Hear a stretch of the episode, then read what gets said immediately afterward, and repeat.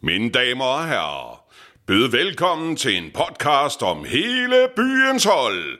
Kvart i bold. For alle, der elsker FCK.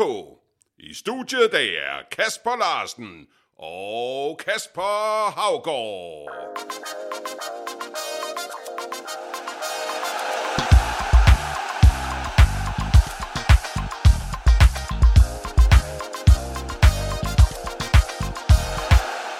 Velkommen til Kvartibolt. Det her er en specialudsendelse, der er en del af en udsendelsesrække, hvor vi forsøger at finde ud af, hvem er FCK anno 2021.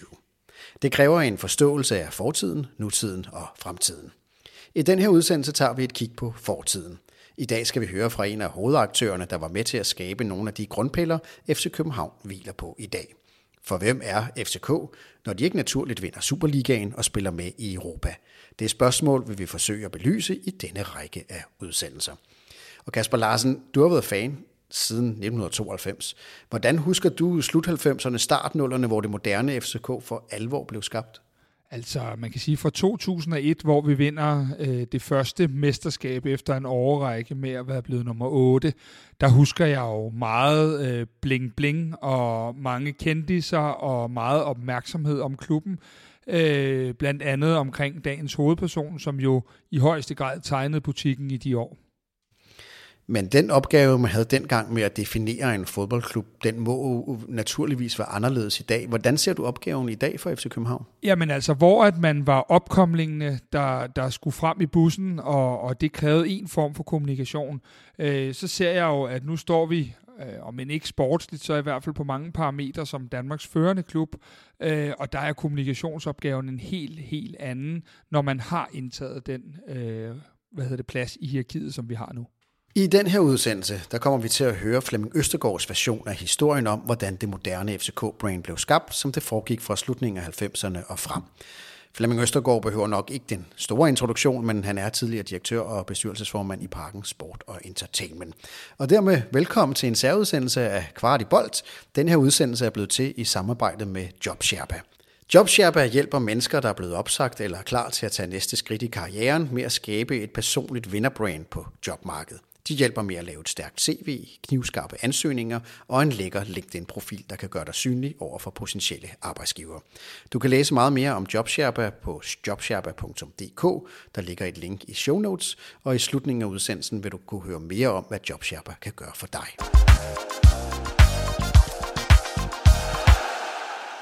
Vi sidder i dag med Flemming Østergaard, tidligere direktør og bestyrelsesformand i Parken Sport og Entertainment. Og for lige at varme op til udsendelsen, så starter vi med en lynrunde, hvor I må svare ja, nej eller et tal, og så kan vi uddybe svarene bagefter. Og spørgsmålene går både til min medvært i dag, Kasper Larsen, og til dig, Flemming Østergaard.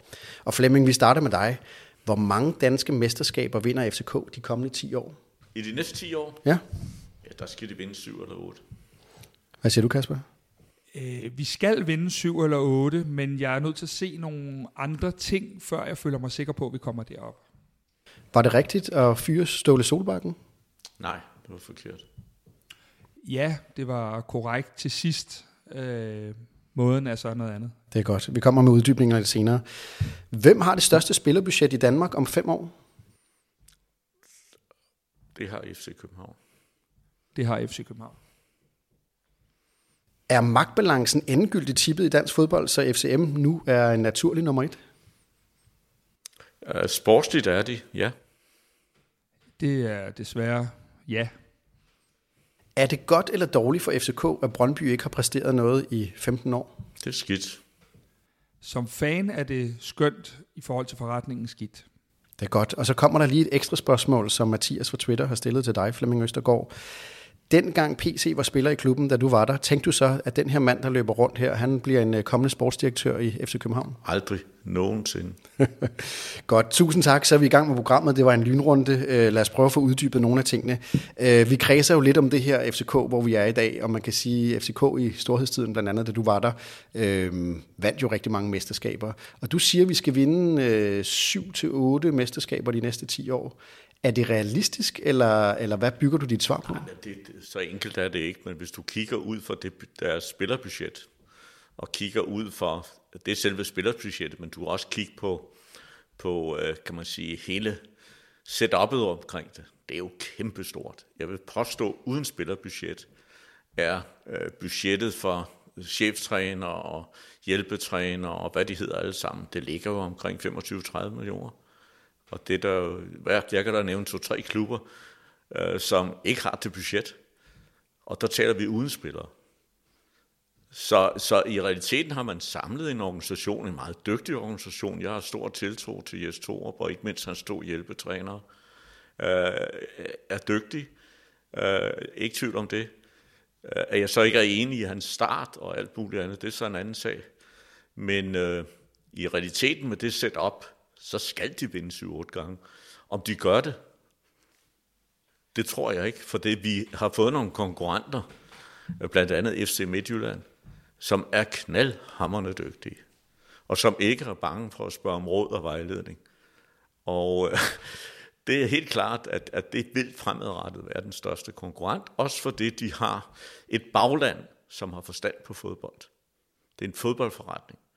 Og Brentfords og ejerne af FC Midtjylland og øh, Brentford er jo nogen, der er inden for fodboldbranchen, som ved, hvad der foregår. Og der er jeg desværre i tvivl om, ja, vi har fået et godt set op i den sportslige sektion, men desværre tillader jeg mig at sige, at den manglende kompetence i bestyrelsen, den er ikke til stede. Men hvis du nu på spørgsmålet om, om magtbalancen, øh, rent sportsligt har i hvert fald tippet, så sagde du, ja, det havde den. FCM er lige nu naturlig nummer et. Øhm, er det, er det så også i det lys, øh, og de er gode til en fodboldforretning, og de har været rigtig dygtige til at gøre det, de gør, er det så også realistisk med en 7-8 mesterskaber til FCK, når vi har en, en ny sportslig leder, og, øh, og vi har en, nogen, der er rigtig dygtige som, som hovedkonkurrenter? Det er jo et stort gæt. Ja. Det er et stort gæt. Du kan risikere lige pludselig, at der kommer en udlandsk køber og køber x Superliga-klub, om så potter x antal millioner i klubben.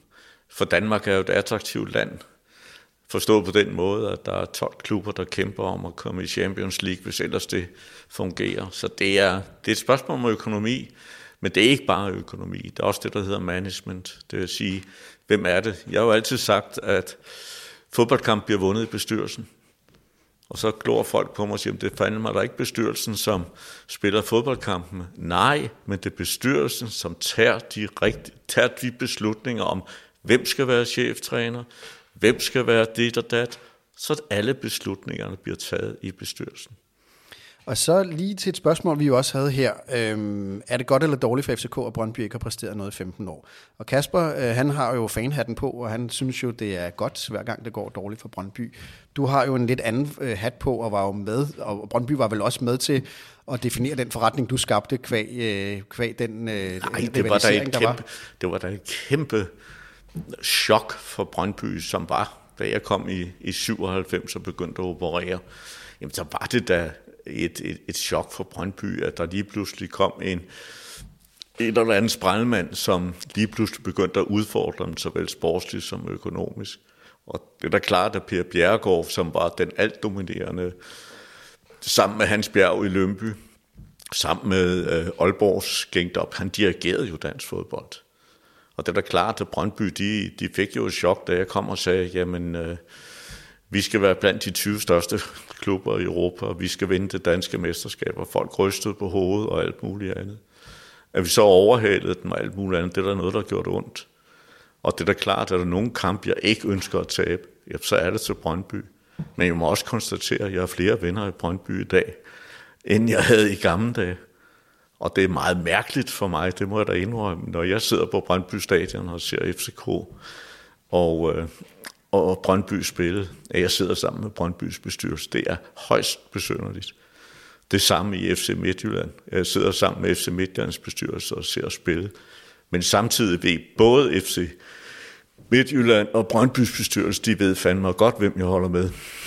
men, men vil det være godt for dansk fodbold, at hvis vi fik et Brøndby, der var noget stærkere end, end det, vi har set de sidste mange år? Jamen, jeg, altså, du har jo stadigvæk kampene. Uanset hvor Brøndby har ligget de seneste år, har det jo altid været det der derby, og konkurrencen har været der. Men, men det er da klart, at for dansk fodbolds skyld, jamen, så ville det være godt, at, at Brøndby også spillede en rolle i dansk fodbold. Det er ikke lige mig. Jeg skal ikke misforstås. Og jeg forstår, jeg har ikke den der fanatisme, altså om, at man hader Brøndby-spillere og så videre. Og sådan er det heller ikke i spillertruppen. Altså når, når en Brøndby-spiller og en FCK-spiller spiller på landshold, så omfavner de sgu også hinanden, når de har lavet et mål. Men jeg gentager igen, jeg ønsker ikke at tale en fodboldkamp til, til Brøndby, men jeg har mange gode venner derude. Men nu har vi jo også lige set blandt andet Daniel Akker og Lars Jakobsen er gået sammen som, Helt som et klart. makkerpar, ikke? Og som Helt har været, klart. Som har været venner. Altså det der had, der er, har jeg utrolig svært ved at acceptere. Men jeg vil ved hver en tid øh, ikke tabe til Brøndby. Hvordan har du det sådan i søndags, øh, hvor vi øh, spillede derby, og FCK vandt i, i en noget dramatisk øh, slutning af kampen? Hvordan har du det efter sådan en kamp, hvor FCK vinder 3-1? Jamen, jeg glæder mig derover, at vi vinder. Det er da helt sikkert. Og jeg glæder mig da også over, kan man sige, det lille spinkle håb, der er, om man skal lave en kæmpe overraskelse. Altså, hvis vi vinder de næste to kampe mod, øh, mod hvad man hedder, FC Midtjylland, og hvis vi vinder igen over Brøndby, og der skal bare tages en eller to kampe, jamen så er vi, t- altså, der er en mikroskopisk chance, men gå efter den for Søren. Men Flemming, det er vel også sådan, at hvis FCK skal blive ved med at præstere på den store scene, så skal der være nogen, der udfordrer dem, for ellers er der vel en fare for, at vi bliver lullet i søvn i stedet for. Jo, det er da klart. Jeg mener også en gang imellem, så gør man øh, Superligaen dårligere, end den er. Altså, du hører jo gang på gang, hvis der er en spiller, der dominerer meget i en klub, jamen så er han for god til Superligaen, ikke? og så kommer han et andet sted hen og sidder på bænken. Superligaen er en ganske udmærket liga, men det er klart, at vi kan ikke konkurrere med de fem store lande, men vi kan lave overraskelser i Europa. Ikke? Og så var der jo et spørgsmål fra en af vores lyttere, der sagde det der med, om du havde set, at PC blev sportsdirektør, og der svarede du meget klart øh, nej. Der kommer flere øh, spørgsmål fra vores lyttere senere i udsendelsen. Men øh, PC som sportsdirektør er letop tiltrådt her 1. april. Det var ikke noget, du havde set. Hvad tænker du om det? Jamen, det er da fint. Altså, Øh, PC har jo vist, både i Randers og i AGF, at, at, øh, at han kender lidt til, til branchen generelt. Og øh, nu skal det så op til PC og, og kan man sige, at sætte sig ind i rollen i Skandinavisk førende klub, øh, hvordan det er at, at handle spillere og, og, og scoute og så videre. Og der får han jo et fint setup, så jeg ønsker kun PC alt det bedste fremadrettet. Men du har jo selv, øh, du har selv siddet i, i en rolle, godt nok ikke som, som sportsdirektør, men i en rolle, hvor man skal få en klub til at fungere med at købe og sælge spillere. Jeg har da bestemt siddet som sportsdirektør. Jeg har da bestemt købt og solgt spillere, indtil jeg ansatte uh, Niels Christian Holstrøm, men vi gjorde det jo sammen. Og, øh, men indtil Niels Christian kom, købte jeg og solgte jeg jo spillere. Men det blev altså, forretningen udviklede sig jo. Som vi kan komme ind på lidt senere måske. Altså, vi startede altså med, da jeg kom i, i 97, der var der syv ansatte og et fodboldhold. Og man omsat for under 20 millioner. Og økonomien var af helvede til. Så udviklingen fra 97 op til nu, er der jo sket nogle fantastiske ting. Men lad os starte der, for det er faktisk ret interessant, fordi vi jo sådan ligesom i, i, i den her udsendelse, og vi kommer til at lave flere andre udsendelser, som kommer til at kredse om det samme. Det er til at finde ud af, hvad er FCK egentlig i dag? Vi har kendt FCK i mange forskellige stadier. Øh, vi har selv som fans stået der siden 93 og op igennem 90'erne, hvor der var øh, mange 8. pladser, øh, og man ikke var en naturlig øh, spiller i, i kampen om, om førstepladsen. Og så har vi jo selvfølgelig fulgt det FCK, som du var med til, med til at bygge op øh, fra, fra 96 og frem. Øh, og så har vi jo i, i, i mange år jo øh, været privilegeret af, at vi har vundet rigtig mange mesterskaber. Vi har været rigtig meget i Europa, og vi har været et naturligt lokomotiv i dansk fodbold. Og nu står vi i en situation, hvor FCK øh, jo ikke naturligt er nummer et, og øh, hvor vi ikke spiller Europa i den her sæson. Og hvad er FCK øh, så? Så men vi prøver ligesom at kigge igennem historien og sige, det FCK, du var med til at skabe. Hvad er det, at, at, hvordan, hvilken indflydelse har det på dagens FCK? Og du siger jo selv, du kommer ind til en klub, som jo åbenlyst ikke er professionaliseret øh, på samme måde, som, som du fik den professionaliseret. Hvad var dine tanker, da du kom ind i klubben og så det sæt op om både, hvad man skulle gøre og hvor du gerne ville hen?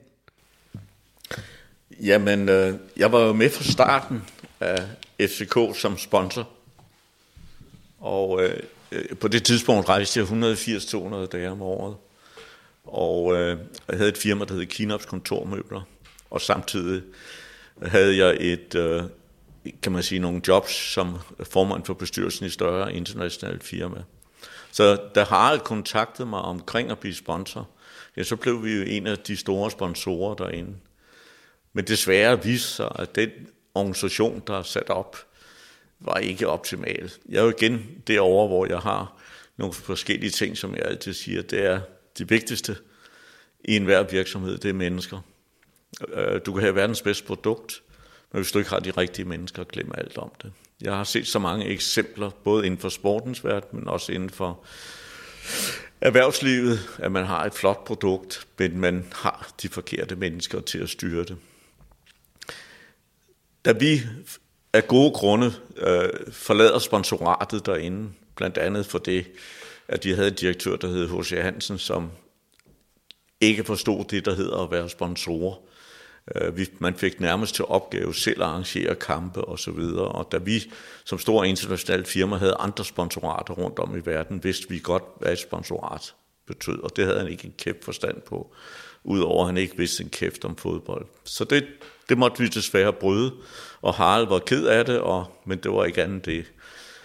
På det tidspunkt havde FC København øh, fik så overtalt mig for at gøre en lang historie kort. Og da jeg kommer ind der, fik jeg et chok over at se tilstanden i, i, i virksomheden. Man havde øh, året før måtte lave en kapitaludvidelse for 4 millioner.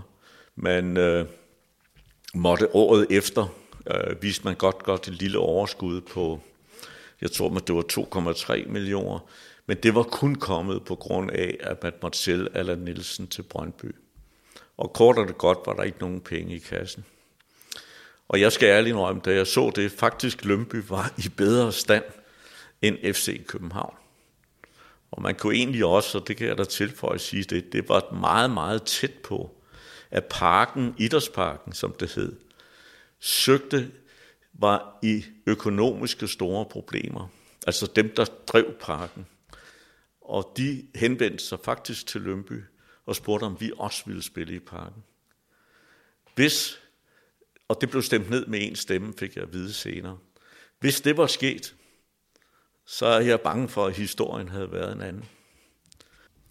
Men da du kommer ind, øh, Flemming, så, så er der jo nogle ting, du skal begynde at arbejde med. Ja, min første opgave, min første opgave ja. er faktisk, jeg går ja. hverken i bestyrelse eller noget andet. Min første opgave er at få til opgave at lave en analyse af organisationen.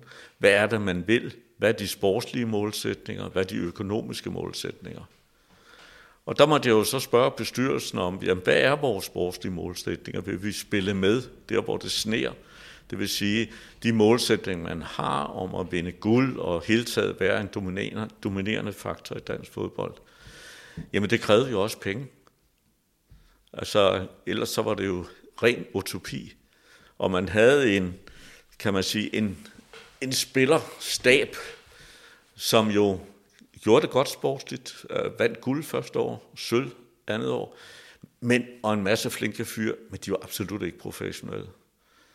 Øh, det kan vi tage en lang historik omkring, men flinke fyre, og som også var i, i, i kan man sige, klar til at, at blive mere professionel, var jeg ved at sige. Det var vist der, hvor vi fik øh, prædikatet cafédrengene. Øh, fordi ja, at der det blev... var, og det var ikke helt forkert. Altså, man, man var ikke seriøs nok. Men, men det skal jeg ikke anklage nogen af dem for, fordi de kæmpede og alt muligt andet bøvl og kaneler. Det vil være for langt at gå ind, og der er ingen grund til at gå ind på alt det her. Men, men det korte og lange, det var at sætte sig ned, og så i realiteten finde frem til, jamen, hvad er det, der skal ske med den her virksomhed?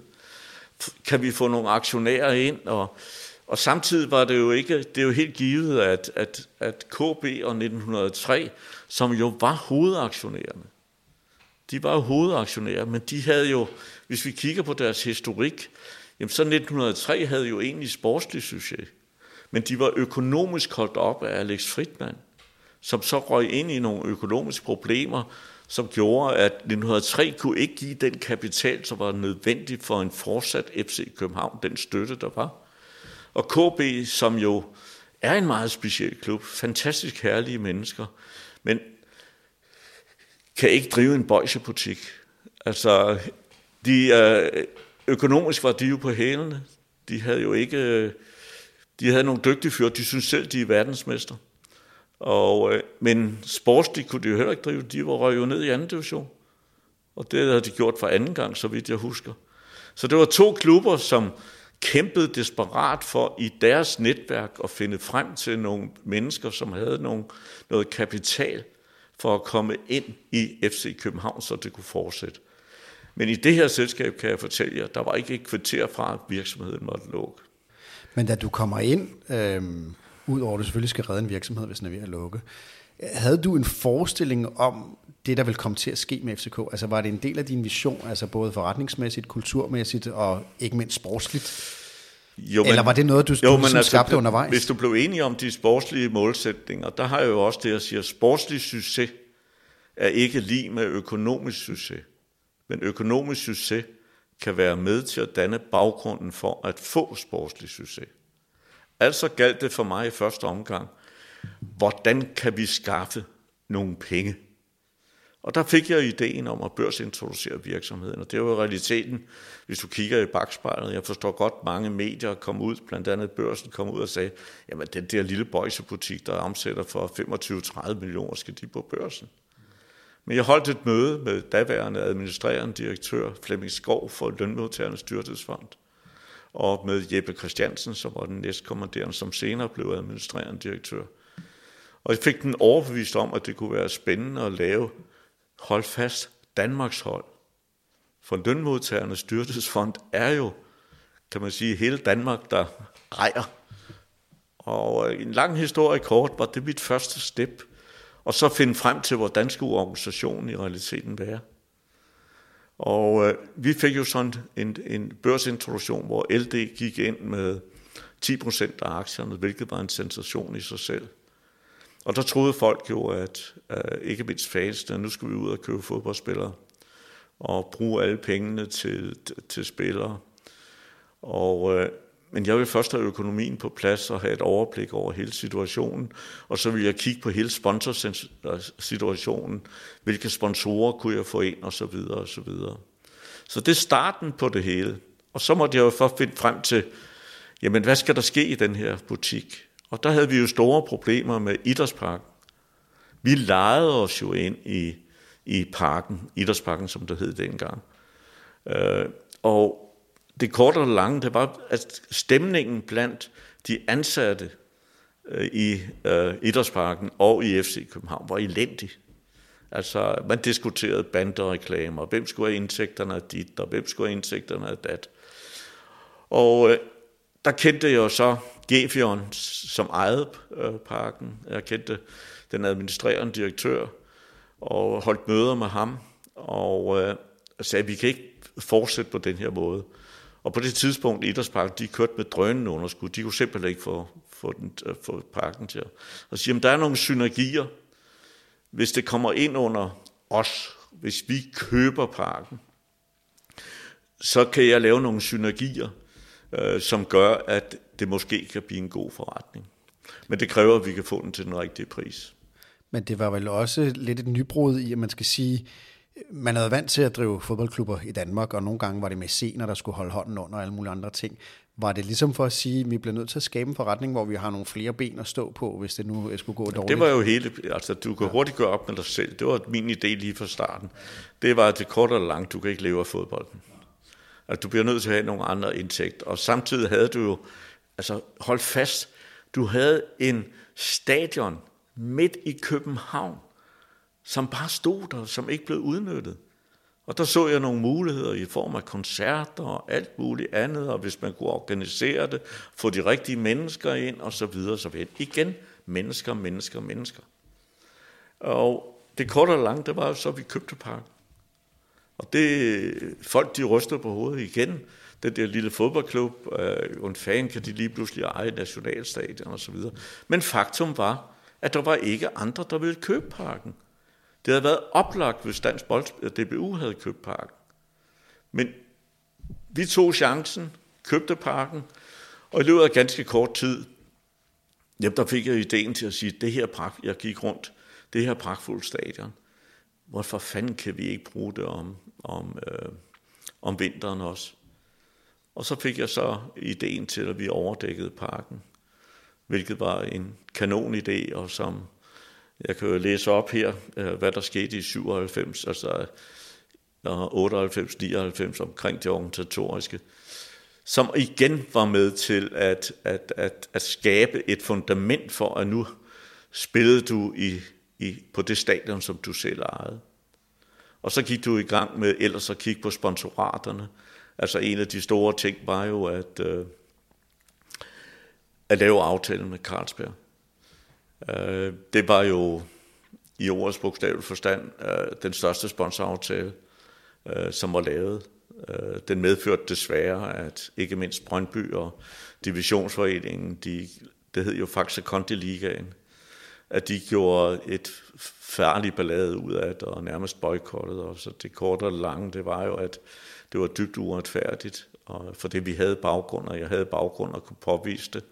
Det var primært Faxes direktør, som var meget vred og på et lukket møde i Industriens Hus, jamen der fremviste jeg øh, de faktiske ting, og det endte med, at Faxes direktør, han sagde undskyld, og anklagede divisionsforeningen for at have kørt med uren trav.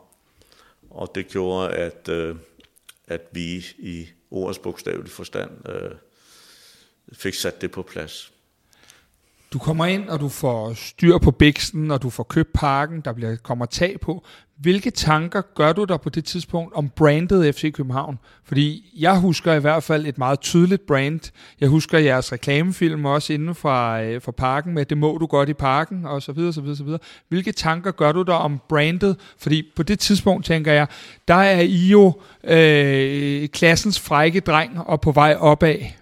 Øh. Der laver jeg jo et målsætning. Vi sætter os ned, øh, kigger på, hvad er det, vi gerne vil øh, med parken, og laver selvfølgelig, det gør jeg ligesom alt muligt andet, laver vi et oplæg omkring det, øh, siger, hvad er det, vi vil opnå.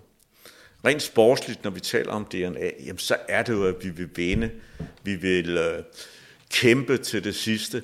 Men det er jo ikke, når vi taler om FCK's DNA, så er det jo ikke bare det sportslige. Det hjælper jo ikke noget, at, at man siger William Kvist, og han kommer, han har det rette DNA. Ja, Gud har William Kvist, Gud har PC det rette DNA ud fra et sportsligt synspunkt. Men det er ikke bare fodbold. Øh, øh, Parken Sport og Entertainment er en, en virksomhed i underholdningsbranchen.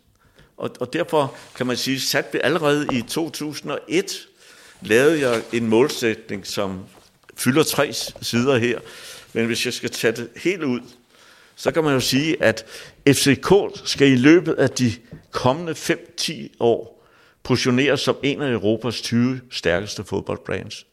Og det skabte jo debat. Men udover det, så sagde jeg, at et stærkt brand i sportsbranchen befinder sig næsten per definition i det såkaldte brand heaven, hvor brandet bliver en passion for brugeren.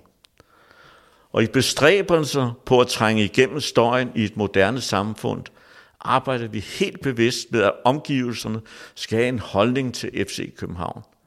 Det værste sceneri i FC København er at blive ramt af ligegyldighed.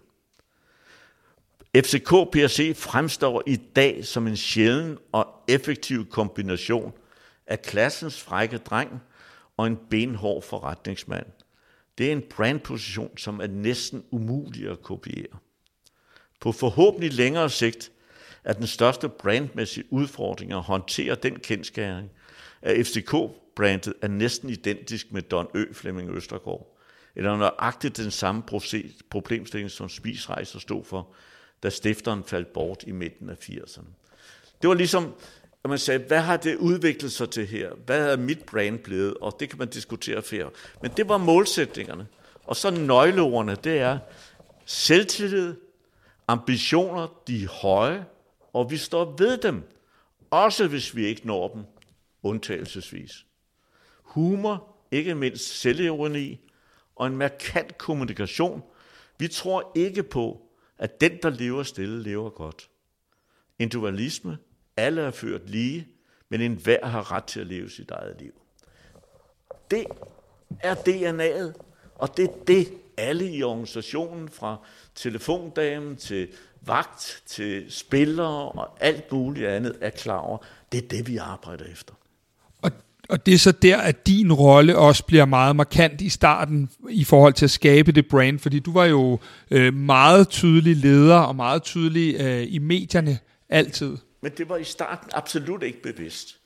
I starten var, var, var det i ordets bogstavelige forstand, var jeg jo vant til, i de stillinger, jeg har haft for både nationalt og internationalt, holdt jeg mig sådan set lidt i baggrunden. Vi havde en kommunikationschef, som kom frem, og jeg stillede mig frem med.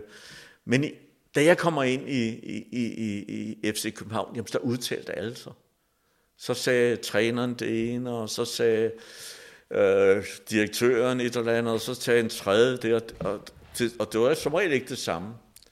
Og der måtte jeg sige på et tidspunkt, nok og nok, nu øh, øh, vil jeg ikke, øh, der er kun en, der udtaler sig, det er mig. Men nogle af, de, skulle... nogle af de værdier her, øh, som, du jo, som du skriver her, det, det nåede du jo, øh, og det, det nåede I jo rigtig flot, kan man sige. Øh, hvor ser du i forhold til i dag, altså mm, de værdier, som du, som du læste op her, som du har lavet på et tidspunkt i, i, i slut 90'erne, går ud fra, hvor mange af de værdier synes du, der er tilbage i FC København, som du ser det på det i dag? Jamen, ja, det kan jeg jo ikke svare på. Altså, det, det, det, det kan jeg jo godt svare på, men det korte og det lange, det er jo, at øh, Park Sport og Entertainment havde ikke eksisteret i dag, øh, hvis ikke, at vi havde købt parken, vi havde overdækket parken, at vi havde købt LaLandia, vi havde bygget LaLandia, øh, hvis hovedsponsoraftalen med, med uh, Carlsberg ikke var blevet lavet, og som fremadrettet er blevet dit og dat, og hvis nødvendige nøgleansættelser ikke var blevet sket, jamen så havde pakken ikke eksisteret i dag. Når... Det, der, det, der, det, der er sket ved dem, der har overtaget det, med al respekt for det, og det skal man have respekt for. Når folk køber, i dag er det jo fordelt på tre aktionærer, ikke? eller de har i hvert fald nogle 70 procent. Ja, jeg ja. kan ikke lige huske, ja. huske hvor, hvor mange procent det er, men de, de ligger vel over 70 procent. Jamen, det er jo dem, der ejer parken. Godt nok er det et børsnoteret selskab, men de må jo, hvis de er tilfredse, og hvis de er dit og dat, så kan vi jo andre jo med al respekt have synspunkter og meninger, men øh, det er dem, der bestemmer. Men når du kigger udefra, de værdier, du har siddet og læst op, som det blev bygget på i starten af årtusindskiftet, ser du udefra, at der er nogle af de værdier tilbage i klubben, eller synes du, de er gået tabt med tiden? Nej, altså, øh, jeg tror ikke... Øh, altså, jeg kan da blive, øh, uden at gå bruge for meget tid på Ståles fyring, så kan jeg da godt blive irriteret på en formand, som går ud og taler om værdighed og om, altså bruger ord, og FCK DNA, altså ved han, hvad det er? Det ved jeg ikke. Det kan da godt være, at de har fået et nyt DNA. Okay, så er det jo FCK-DNA eller PSC-DNA. Men det DNA, jeg kender, øh, det kan jeg ikke rigtig få øje på. Men, men, men igen, de har overtaget. Hvad der er sket på de der 10 år, øh, det kan jeg da læse op for jer. Både sportsligt og økonomisk. Øh, hvad der sket i de, næste 10 år, i den periode, hvor, hvor de har siddet. Ja, der er sket, ja, LaLandia, øh, jamen det, det bare lå jo i pipeline. De har solgt øh, Fitness.dk, som jeg mener var en kæmpe fejl. Øh, man kan være lidt hentet omkring, øh, omkring øh, hvad det hedder, covid-19, at det har ramt fitnessbranchen. Men en af de brancher, som, hvis du spørger de kloge hoveder inden for oplevelsesindustrien, øh, fremadrettet de næste 10-15 år, ja, det er jo fitness. Hvorfor fanden sælger man det til en spotpris? Det er dårlig ledelse, efter min mening, men det er jo mit synspunkt. Men Flemming, når, det, når, du, når du fortæller de her ting, så tænker jeg, er opgaven i dag ikke også en anden, øh, da du overtager der, der skal I være klassens frække dreng, måske lidt som Midtjylland skal nu, og, og være de aggressive, og være dem, der går forrest og, og øh, brander jer. Er det ikke sådan, når man så har den position, som vi i hvert fald indtil for et år siden havde, som, som de bedste i Skandinavien, at, at man kommunikerer anderledes? At man, øh, at man på en eller anden måde har nået den her top nu, og derfor så er, er, er der nogle ting, der ændrer sig i, i måden, man skal kommunikere på, og måden, man, man griber tingene an på. Jeg tror, du misforstår mig. At der er kommet nye ejere, og det er absolut dem, der bestemmer øh, kommunikation, øh, sportslige målsætninger, økonomi osv., det kan vi andre kun sidde og kigge på.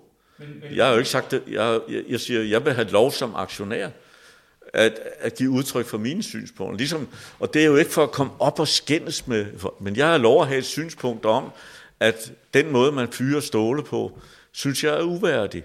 Og der bliver brugt ord som, som nu bruger jeg det som uværdig og alt muligt andet, som man faktisk nedgiver ståle. Jeg synes godt, man kunne have fundet en løsning.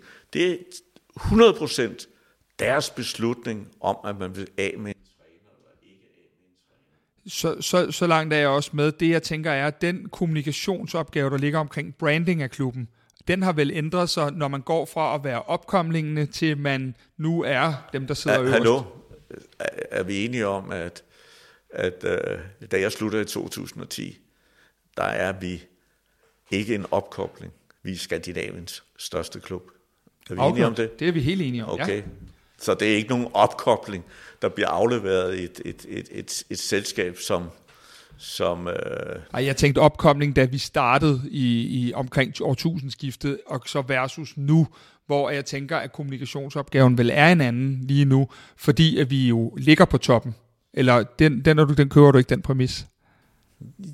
Jeg kører, på til hver, jeg kører til hver en tid den kommunikationsopgave, øh, som der ligger i det eksisterende parken, øh, Sport og Entertainment, jamen det bestemmer ejerne.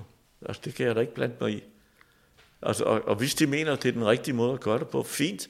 Men det er jo ikke lige med, at vi andre, øh, medierne, aktionærer, har lov at have et synspunkt omkring det. Jeg synes igen, kommunikationen omkring en mand, der har været der i så mange år, jeg har jo selv oplevet det. Mit æresmedlemskab bliver taget fra mig. Jeg har ikke engang talt med nogen. Jeg har fået et brev.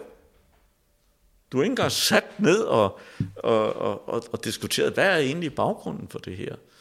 Og, og, og der er det, jeg siger, hvis så fremt, altså de nuværende ejere har overtaget en virksomhed, øh, hvis det, der er sket i de 10 år før, jamen så den ikke eksisteret i dag, så ikke lade det. Men lad os prøve at gå tilbage til øh, Flemming, for jeg synes, det er rigtig interessant, det papir, du faktisk læste op med de værdier, som du læste. Fordi en ting er jo at definere nogle værdier, eller definere en brandposition, men en anden ting er jo at opnå det. Og du har ligesom været inde på, at en, en af nøglerne var jo at ansætte de rigtige mennesker, som mennesker skaber kultur, og mennesker skaber øh, forandringer. Men hvordan, en ting er, at man kan godt definere, at vi vil være de bedste, vi vil være de frækkeste, vi vil være øh, nogle af de ting, som Jamen, det kan man godt øh, prøve at Men høre hvordan her. kommer man derhen? De værdier, som der ja. er her, Ja. det er de værdier, som jeg satte op. Ja. At de værdier skal, øh, vil ændres hen ad vejen, fint. Selvfølgelig. Men Øh, hvordan det- det kom I logik derhen til at, at, at, at efterleve dem, kan man sige? Fordi en Ja, ting det er at er jo definere igen, dem. vi, vi er jo igen tilbage til mennesker. Ja. Vi er jo igen tilbage Hvem til var de mennesker. vigtigste mennesker, du ansat til at være med til at drive de værdier, som du har defineret der? Jo, men altså, jeg, jeg har jo også, kan man sige, de fejl, jeg har begået, og jeg har også begået mange fejl, jamen det har jo igen noget at gøre med mennesker. Mm. Det er jo igen noget at gøre med at sige, jamen, har du været grundig nok i din ansættelsesfase, eller hvor er du henne? Øh, så for eksempel ansættelsen af Christian Andersen, det var en bummer uden lige, og det var synd for Christian Andersen. Øh, men han havde ikke rigtig fortalt sandheden om sin historik i AB, og han var desværre fejlkastet. Men det kunne jeg godt have gjort bedre. Og det var også baggrunden for, at jeg sagde, hov, nu har jeg bygget virksomheden op i form af en masse forretning, købet af, af, af, af parken, overdækning af parken, LaLandia, fitness og alt muligt. Jeg bliver nødt til at få en sportsdirektør. Og det er der, jeg gør det, synes jeg, at få overtalt. Og det kom jo som et chok for mange, at jeg fik overtalt Niels Christian, som sad i bestyrelsen, til at gå ind i som sportsdirektør. Er det din bedste ansættelse Nej, nogensinde? det var Dan Hammer. det var den hammer. Ja, og også god. Niels Christian var, ja, du kan ikke sige måle det ene til det andet, om hvem var bedst til dit og det. Det er et teamwork. Jeg havde et fantastisk godt samarbejde. Altså, vi taler om nogle, nogle, øh, nogle mennesker, som har deres, deres spidskompetencer. Altså, Niels Christian var jo, var, var jo en grundig fyr, men han havde jo ikke erfaring i køb og salg af spillere, men det lærte vi hen ad vejen. Og øh, vi havde et fantastisk godt samarbejde, og, men han var også en temperamentsfuld fyr. Han var et mareridt at have på, på tilskuerpladserne, og, og råbe og skrige og alt muligt andet halløj, og havde mange problemer omkring, eller opgaver omkring vores sponsorer, som ikke brød sig om alt det skidt, der kom ud af munden på. Men generelt øh, var jeg utrolig glad for øh, at arbejde med Christian Dan Hammer. Det var fantastisk godt samarbejde. Vi tænkte enest og havde en god baggrund for dit og dat. Klistrup, fantastisk øh, hjerne omkring regnskab og alt muligt andet, som desværre indhentede os. Uretfærdigt, det gider jeg ikke komme ind på.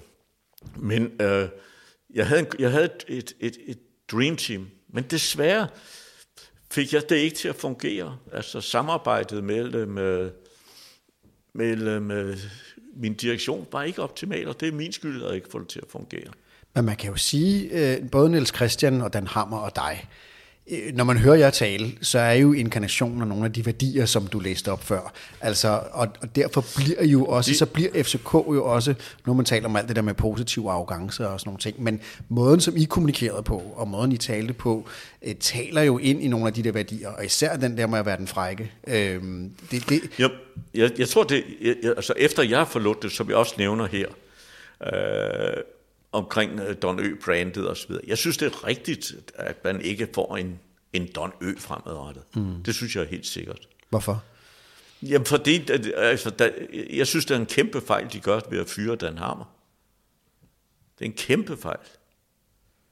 At jeg så var uenig med Dan Hammer omkring nedlukningen af Fitness.dk, det er en helt anden sag. Men Dan Hammer skulle man aldrig nogensinde have fyret. Man kan lave en kæmpe bummert ved at tage Anders Hørsholdt ind øh, som havde jordens længste tunge. Ikke? Altså, som i ordets bogstavelig forstand er ikke fem potter pis svær, ikke? Men, men hvorfor skulle man ikke, hvis man nu kunne tænke sig scenariet en ny Don Ø øh, nummer to, det, det mener du ikke, at det, det FCK har brug for i dag? Hvorfor ikke det? Det ved jeg ikke, det skal jeg jo ikke vurdere. Men jeg kan bare sige, altså når jeg sidder jeg er ved at lave det, jeg fortalte jer, en historie omkring, en film måske omkring FCK's historie. Når jeg sidder og, og kigger på, hvad der er sket her i de 10 år, så bliver jeg jo nærmest forpustet.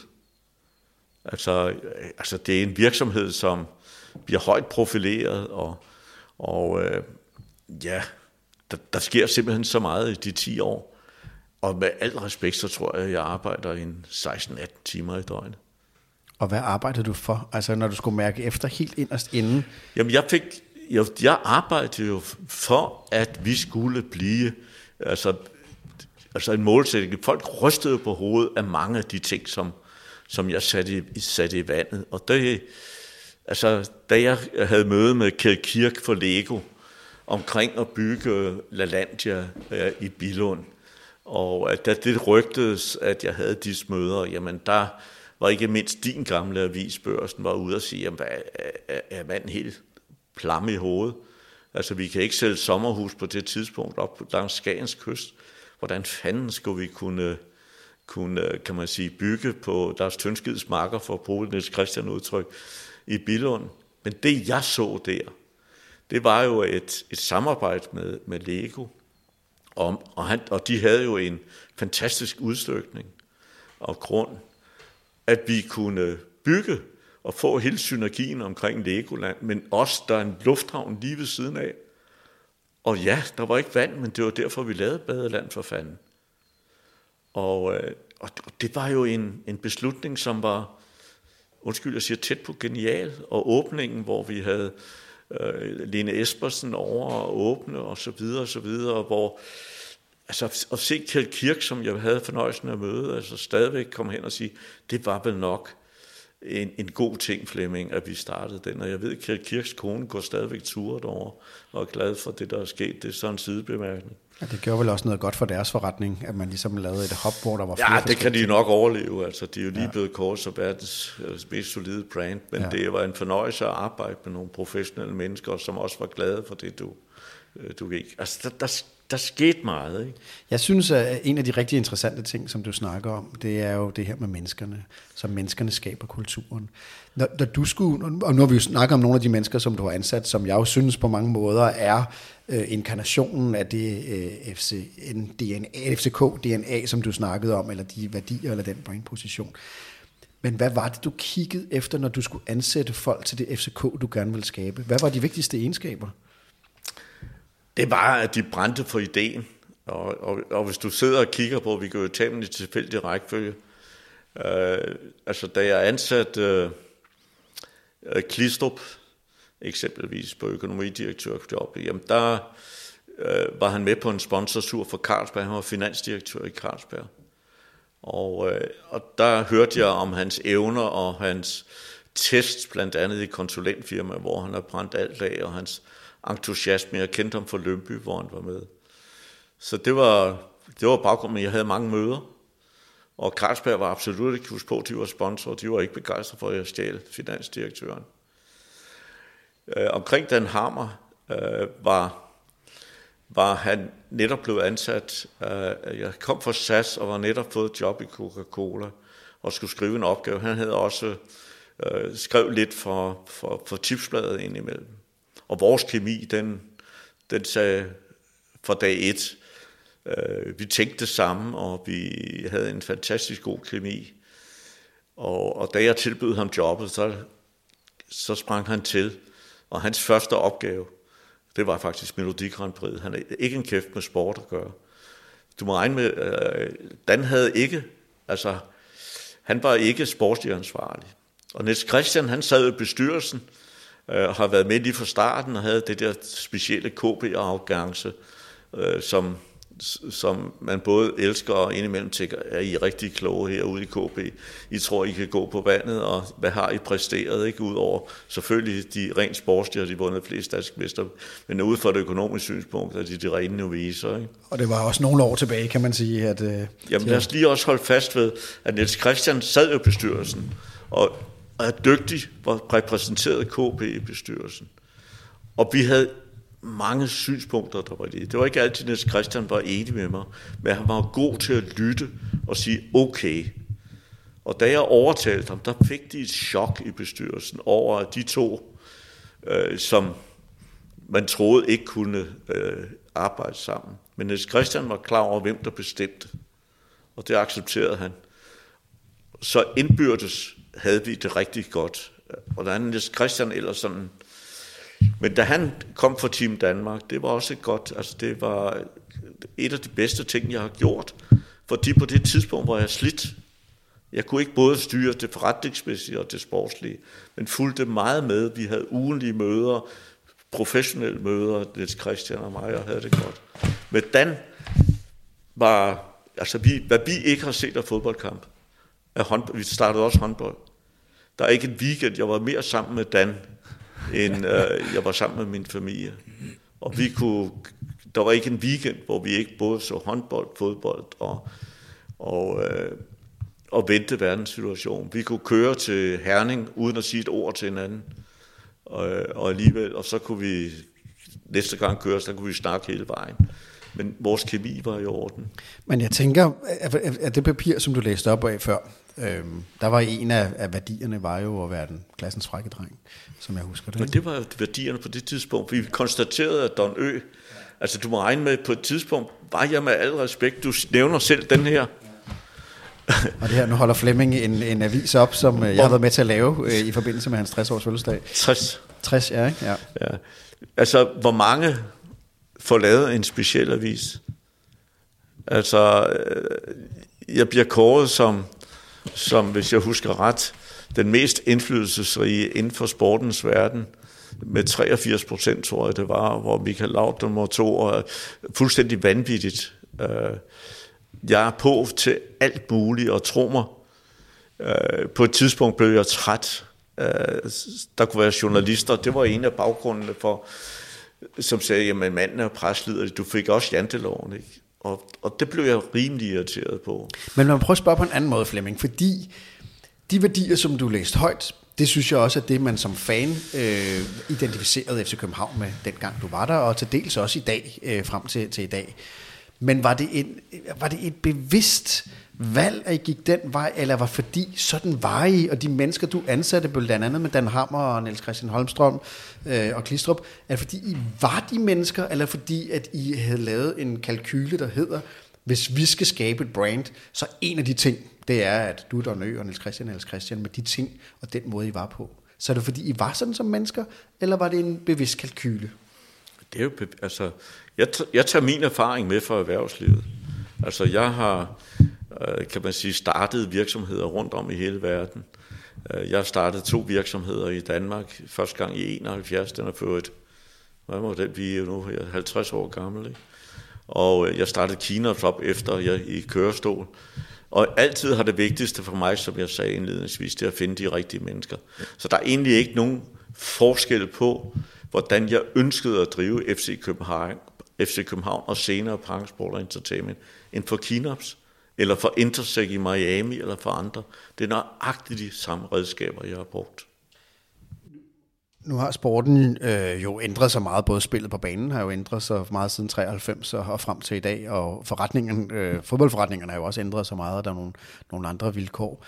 Men hvis vi skal prøve, altså nogle af de erfaringer, som du jo har gjort dig, øh, kvad det hårde arbejde og, og den lange øh, periode, som du øh, var, var mand, øh, styrmand i FCK, og tage det over til 2021 og FCK, og nu har der selvfølgelig også været corona og alle mulige andre ting.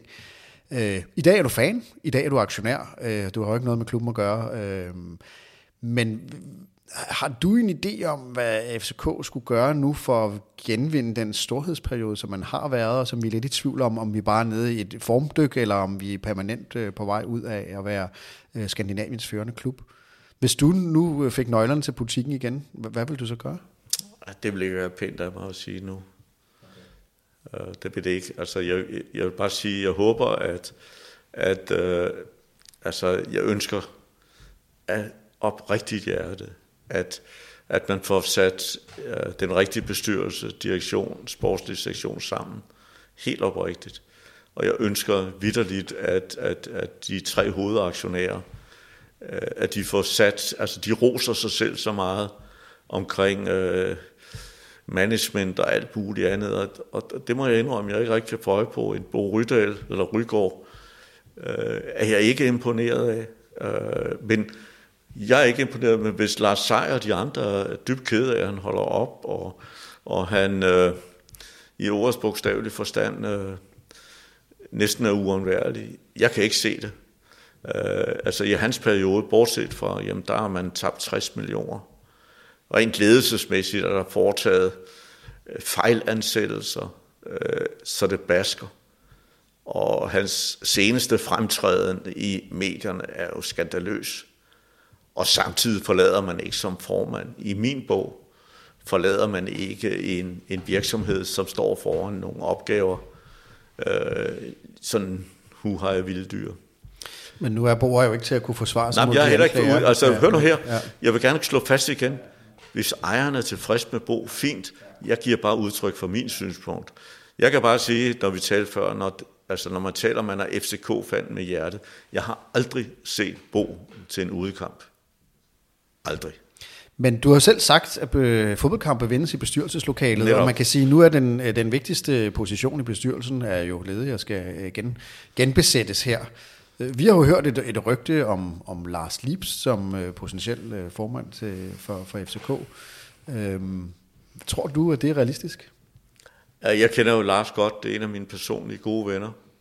Øh, jeg vil blive meget overrasket. Men hvis man lykkes at få Lars Lips som formand, så får man en top professionel formand. Og, øh, og det vil være fantastisk, hvis du går over til Lars til det.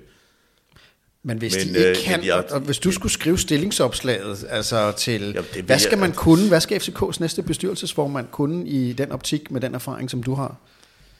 Jamen, først og fremmest skal ejeren jo vælge, vælge medlemmer til bestyrelsen, som har en faglig kompetence i, i de områder, altså omkring business generelt, og jeg synes, man savner i bestyrelsen nogen, der har øh, sportslig erfaring. Altså det, selvfølgelig har, har William, han har spillet fodbold, der har været professionel rundt omkring og, og været i klubben. Men William var en knægt, da han blev ansat hos os og, og så videre. Ja, han har ikke den forretningsmæssige erfaring, og, og, og det gælder ikke bare om at finde nogle agenter og, og noget andet. Jeg mener, der skal være mere sportslige øh, ekspertise i, i bestyrelsen. Men i og så kommer vi ind på et emne, hvor jeg egentlig ikke... Øh, altså, det er ejerne, der bestemmer. Altså, hvordan de vil gøre det, fint, og så må vi andre vurdere det. Jeg vil bare have lov til også at give udtryk for mine synspunkter. Selvfølgelig. Og så er du jo fan, og du er aktionær, og du sidder jo også og kigger kampe, som vi andre gør. Så hvis du skulle... De som, andre? Vi andre. Nå ja. som, Jamen, jeg, ser, jeg, jeg, jeg har vel i de sidste to år set samtlige udekampe, måske på nær to eller tre. Og det er det, der glæder mig i dansk fodbold. Det er jo, hvordan jeg bliver modtaget i AGF, i Sønderjysk, i FC Midtjylland, den røde løber. Jeg bliver faktisk modtaget bedre i dag, end jeg gjorde, da jeg var chefen for hele foretaget. Ja, det siger du jo. Men det FCK, du sidder og holder med, og nu har de lige spillet derby mod Brøndby. Hvad er det for et FCK, du holder med? Fordi der, der er jo mange ting, der er anderledes end dengang du var der, men der er jo stadig for dig en, en passion og formentlig en oprigtig øh, glæde og interesse i omkring, hvad FCK er og hvad de skal være. Hvad er det for et hold, når et FCK vinder mod Brøndby? Hvorfor er det så, du er så glad øh, i søndags for eksempel? For det første er rigtig sportsligt, det vi jo talt om tidligere. Altså, er der nogen hold, jeg ikke vil tabe til, så er det FCK. Jeg er også FC Midtjylland. Der er ikke nogen ja, hold, jeg, ja, vil, ja. Øh, jeg vil tabe til. Jeg vil gerne have, at vi vinder alle kampene. Ja. Og udover det er aktionær, det er flere fodboldkamp, vi vinder. Mm. Det er flere forretningsmæssige beslutninger, der bliver taget, der er fornuftige. Jamen, øh, det er jeg da kun glad for. Flemming, vi, øh, inden du kom herind, så har vi spurgt øh, vores lyttere ud på de sociale medier, om de havde nogle spørgsmål til dig, og der er faktisk væltet ind med, med, med spørgsmål. Et spørgsmål, øh, som kommer her. Øh, vi vil høre om Flemming, om man ikke kan løfte sløret for nogle af de spillere, vi førhen var tæt på at signe, uden dog det blev en realitet. Der må være foregået noget, som aldrig nåede medierne. Naturligvis er det Holmstrøms spor, men jeg antager, at Flemming har kendt til næsten alt, øh, ligger der i spørgsmålet her. Ikke? Og det kommer fra Chris Kaiser Sørensen, som har skrevet det på Twitter. Altså, der blev ikke købt nogen fodboldspillere, uden at jeg sagde ja til det. Det var Niels Christians, Holmstrøms ansvar, men det skete i samarbejde med mig. Men kernen i spørgsmålet er, er der nogen spillere, som I var meget tætte på at signe, som aldrig blev en realitet, men som I aldrig har kunne fortælle til nogen? Er der historier bagved, som, vi, som man kan løfte sløret for i dag? Der var en hel del, men jeg kan ikke sådan lige huske... Altså, vi fik tilbudt mange spillere, men altså, jeg kan da læse op alle de spillere, vi har købt øh, igennem årene, og der er der nogen, der bliver overrasket over det. Men altså, jeg kan ikke... Altså, det værste rygte, der gik jo, det var, at Michael Laudrup skulle til... Og det skabte jo et fandens øh, forroer. Det var Sten Uno for BT, der lavede den, og jeg måtte øh, stille op på, på, på, på fondsbørsen og fortælle, at det ikke er rigtigt, og det var en ren løgnhistorie. Og først, jeg tror fire år efter, indrømmer Sten Uno, at det er en røverhistorie. Ikke? Og selvom Michael og mig var ude og, og sige, at det har ikke noget på sig. Så det er vel den, kan man sige, historie, der absolut var løgn. Ikke? Men hvis jeg kender dig ret, så har du øh, rigtig, rigtig gerne vil forsøge, om du kunne tilknytte Michael Laudrup. Jeg tror ikke, der, det har faktisk aldrig været på tale. Øh, men det vil da være fuldstændig tåbeligt at, øh, at sige, at en Michael Laudrup ikke kunne pynte øh, i enhver fodboldvirksomhed. Men så lad os prøve at vende nogle af de spillere, som du rent faktisk har været med til at købe. Nu har vi jo snakket om nogle af de bedste ansættelser, du har lavet øh, i selve organisationen. Øhm, er der nogen spillere, som du var, har været ekstra glad for, at du var med til at, at, at hyre til FCK? Jamen i 97, en af de bedste ting, jeg gjorde der, det var at ansætte Peter Nielsen for Borussia Dortmund. Ja, hvorfor? Fordi han var en personlighed, som, øh, som opfyldte Øh, Øh, kan man sige, både på banen og uden for banen, var han en personlighed. Og han blev også senere hjælpetræner for Ståle. Carsten Hemmingsen, som man ikke hører så meget om, var jeg utrolig glad for. Uh, han var uh, han var jo kendt for at lave, få nogle masse gule kort og røde kort. Men han var lidt af, af det, jeg kalder et FCK-DNA, forstået på den måde, han kæmpede. Han flæskede en i en kamp, jeg kan ikke huske hvem, hvor jeg kaldte Carsten op og sagde, hvis jeg ser det en gang til, så er du ikke FCK-spiller mere. Det er i orden, du spiller hårdt, men øh, svineri vil vi ikke ske. Og det ledede Carsten op til. Og uden for banen var det en rigtig guttermand, og var med til at skabe en stemning i omklædningsrummet. Det er en, man ikke hører så meget om, men det er en, som jeg, jeg har værdsat meget. Og vel en, der gerne vil bløde for trøjen, apropos. Fantastisk. Ja. Og i 97 så tegner vi jo med, med en hel del unge talenter også, ikke? Øh, blandt andet uh, Hjalte Nørgaard, ikke? som også var fantastisk. Uh. Men altså, vi har jo også fået mange priser.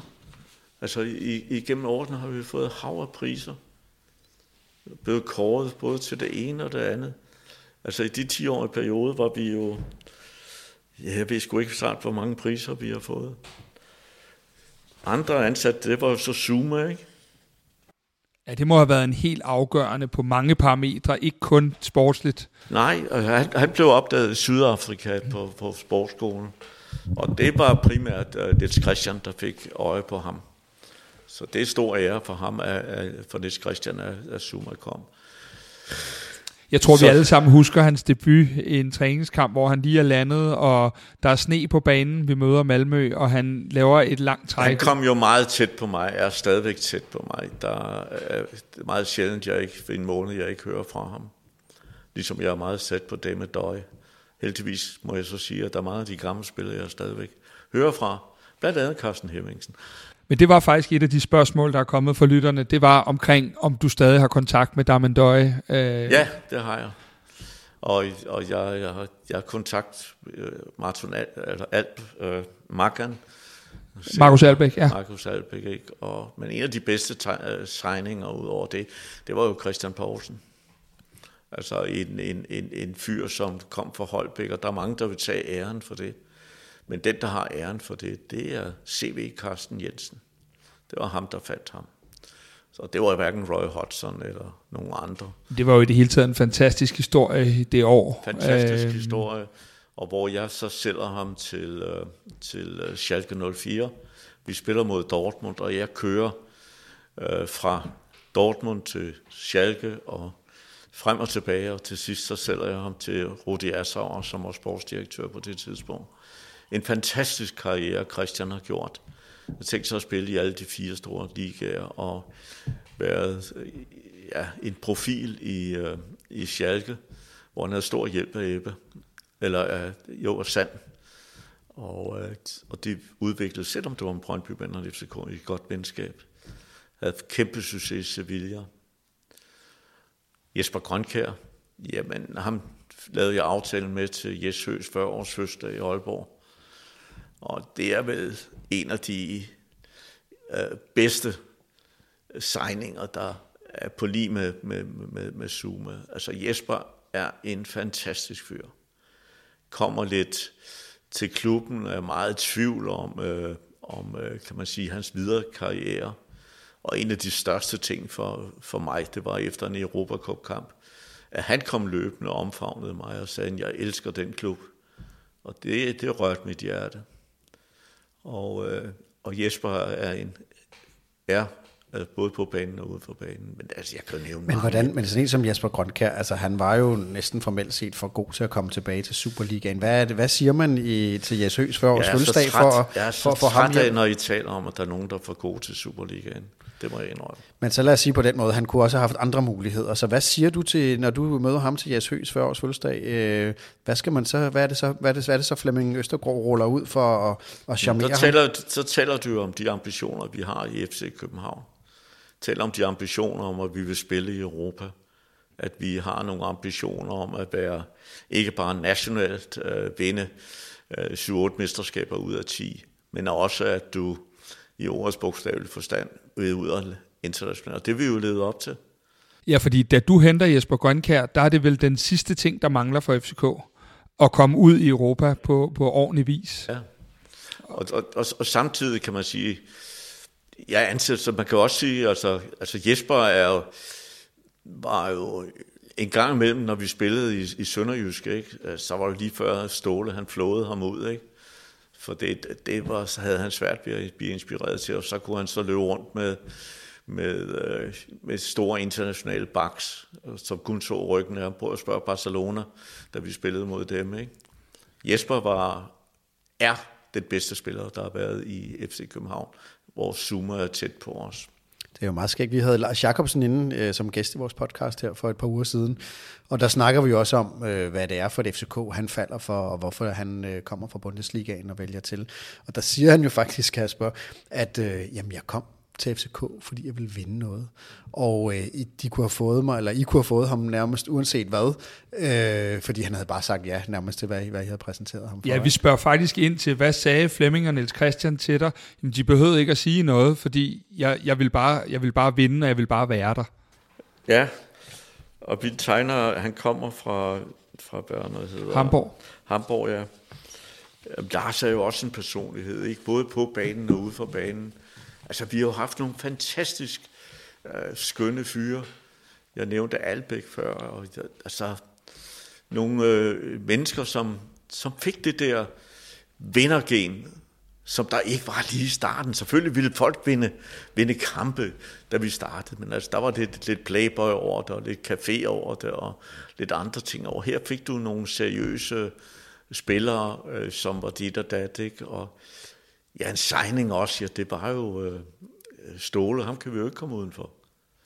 Altså Ståle var jo... Øh, altså, jeg brændte varm på Ståle, forstod allerede i Aalborg. Det gjorde jeg, efter jeg havde været op og se ham. Jeg var oppe og holde foredrag i Aalborg, og så så jeg ham spille. Jeg kan ikke huske, hvem de spillede mod. Og tænkte jeg, hold dog kæft, en, en dirigent på banen. Og der taler jeg så med, med øh, nogle af mine venner i OB og fortalte, hvordan han influerede på, på omklædningsrummet og på træneren. Træneren var hans Sparke. Og, øh, og der øh, kan man sige, der var Roy træner. Og jeg siger til Roy, hvad med at kigge på, på Ståle? Og det var han ikke vildt begejstret for. Vi kørte så op og så OB spille mod Lønby, og der spillede Ståle som en pionøder, altså ringen. Så Roy sagde, ah, og det vil der er to gange, hvor jeg har presset en spiller igennem. Øh, for det, det, jeg vil kunne aldrig finde på at købe en spiller, øh, hvis, hvis, øh, hvis træner ikke vil have ham. Det ville være tåbeligt. Og Roy siger sådan meget, okay, men øh, vi er enige om, at hvis det bliver en fiasko, så er det dig. Og så ja, det er fint nok. Og det blev det så ikke. Han spiller jo kun de der 13 kampe. Ikke? Og, øh, og, øh, men der så jeg en, en, en ståle, som, som virkelig imponerede mig. Og jeg sagde allerede, da han blev rask, vi kan ikke, jeg kan holde en lang historie om det. Uh, nu følger jeg hans karriere i Hamkamp, uh, hvor han jo hurtigt fik, fik dem op i, i den bedste norske række, og han kom ind og blev U19 landstræner også. Så, så det var det var meget klart for mig, at uh, han skulle være træner i klubben, og ikke mindst uh, hans sparke anbefalede det. Og når jeg nævner hans sparke, så er det en af de træner, der ligesom vi siger alle sammen, at, at det var da Roy kom, ja, der var ligesom, at vi blev, holdet blev lært lidt professionelt, hvordan man skulle. Og, og det er også rigtigt, men man undervurderer hans sparke, fordi han fulgte tingene op, og øh, var en fabelagtig god træner. Han havde større indflydelse i min bog. Altså Roy var den rigtige mand på det rigtige tidspunkt, men vi var også enige om, Niels Christian og mig, nu, hans exit var ikke smuk, øh, og det kostede Roy meget. Øh, men, men øh, og der hentede jeg så øh, hans bakke øh, nede i Rapid Wien, ikke? Og det var fabelagtigt. Og der Hans bakke viderefører vel egentlig en del af det, Roy startede fundamentet. Ja, det kan du, og det er jo forkert også. Øh, for det, de havde bare, for det, de havde, det var nøjagtigt det samme spillesystem, han altid har haft. De havde bare samme spillesystem. Ja, præcis. Men respekten omkring, altså Roy var mere management by fear. Altså nogle spillere, de rystede bukserne for ham. Pascal Simpson, altså i dag ville jo Roy være anklaget for racismen, og han stak næsen ind og sagde, de store sorte lokum, hvis du ikke går ud og laver et mål nu, så, så sparker jeg dig et vist sted. Men Flemming, nu har du beskrevet rigtig mange af de her øh, øh hvad hedder det, meget store FCK KF'er, som har været hentet tidligere. Når man kigger på verden, som den ser ud 2021, der er vel ikke så mange af den slags typer tilbage? Ah, det ved jeg da ikke. Altså, hvis vi kigger på holdet i dag, er der der profiler, som, altså hvis du kigger enkeltvis på holdet, så, så synes jeg da, at det er, altså de skal vinde. Men jeg tænker også mere som typer, at, at det, det, er jo, det er jo en anden tid, vi er i nu. Og mange af de der, uh, Lars Jacobsen fortalte omkring, at uh, firkæden, når de tog til Randers en onsdag aften, så uh, sad de hele vejen i bussen og var indætte på at skulle holde det der 0 derovre, fordi det var, det var ligesom en del af det, det, det skal vi bare. Og, og man kan sige, så mange typer findes der vel ikke af den Nej, slags jeg, i dag? Det, det tør jeg. jeg altså, en gang imellem, så må vi jo også sige, at du er ikke på træningsbanen hver dag. Hvis du er på træningsbanen hver dag og ser, hvad der foregår der, det er noget andet. Men der er jo nogle andre typer. Altså en af de, der er nogle typer, som vi også købte, var jo Jesper Christiansen og, og Kravgaard, da vi køber dem fra Viborg, er jo fantastiske typer, og som nogen, der vil vinde. Altså det der gen af en bred hangeland, for helvede. Men altså, synes du, du ser genet på, på, Ja, på, på sig i dag også? Ja, Okay. Ja, jeg, jeg, det, jeg kan ikke svare. Nej, nej, nej. Altså, det, øh, altså jeg ser, altså jeg ser, ser nogle ting, som, altså når vi taler om den faglige kompetence i, i, i eksempelvis bestyrelsen, det er den, jeg savner. For eksempel synes jeg, øh, jeg gentager igen, jeg tror, at Jes Torup, og ikke mindst hans to hjælpetrænere, har jeg stor respekt for, og jeg tror, de fagligt er utrolig dygtige. Jeg skal lige vende mig til, der står tre på sidelinjen og diskuterer, øh, hvem der skal øh, gøre dit og dat derude. Det skal jeg ærligt indrømme. Men det korte og lange, det er, at jeg kunne godt savne, når du ansætter en Jes Torup, at der er en, der siger til ham, hør nu her, det er den vigtigste sæson, vi er i. Det er den allervigtigste i meget lang tid, for hvis vi vinder det danske mesterskab, så kommer vi direkte ind i Champions League. Der kunne jeg godt, der føler jeg, det er ikke Jes skyld, at han begynder at spille nogle andre systemer. Øh, der mener jeg, der må han være dygtig nok til at sige, vi ved, hvad vi har, vi spiller på en 4-4-2, den kan jeg forfine hen ad vejen, men vi skal med djævens vold og vagt vinde fodboldkampene. Det er mit synspunkt. Og det er det, jeg synes, der går lidt galt, da man starter fra første dag og eksperimenterer til højre og venstre. Tag nu det sikre og få pointene hjem. Øh, Der er de heldigvis på god vej. Ligesom jeg er også uenig i, for eksempel, når vi taler om fans, og vi fans, så, skal, så har jeg jo vendet mig til igennem min tid at sige, ja, du skal lytte til fansene, men det er ikke dem, der bestemmer. Altså Ståle havde været træner i seks måneder, hvis det var fansene. Hvis I husker tilbage, så stod de med skiltet over, sagde, gå hjem, din skide nordmand, og Ståle, Raus og alt muligt andet. E, jeg havde en bestyrelse, som sagde, skal han ikke ud, fordi de læser aviser. Altså det er medier og fans, det er derfor, der bliver fyret så mange inden for fodboldverdenen. Det er det, en, en bestyrelse tager beslutninger efter. Og det, det er forkert efter min mening. Man skal analysere det på en anden måde. Og derfor kan du altid være uenig. Jeg er også uenig i, for eksempel, at Sanka bliver sat af.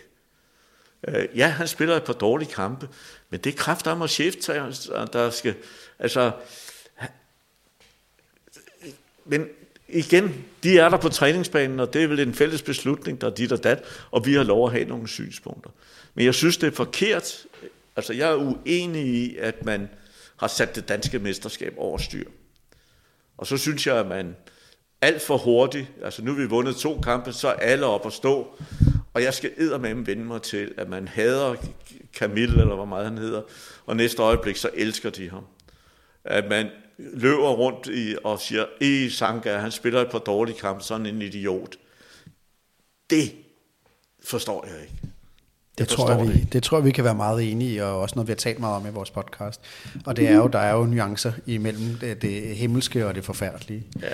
Nu har vi fået rigtig mange spørgsmål øh, til dig, Flemming, og vi vil, vil gennemgå nogle af dem her. Øh, en, øh, Peter Skovfod Olsen, han spørger, øh, parkenaktien er steget 25 procent siden øh, øh, 1. januar 2021.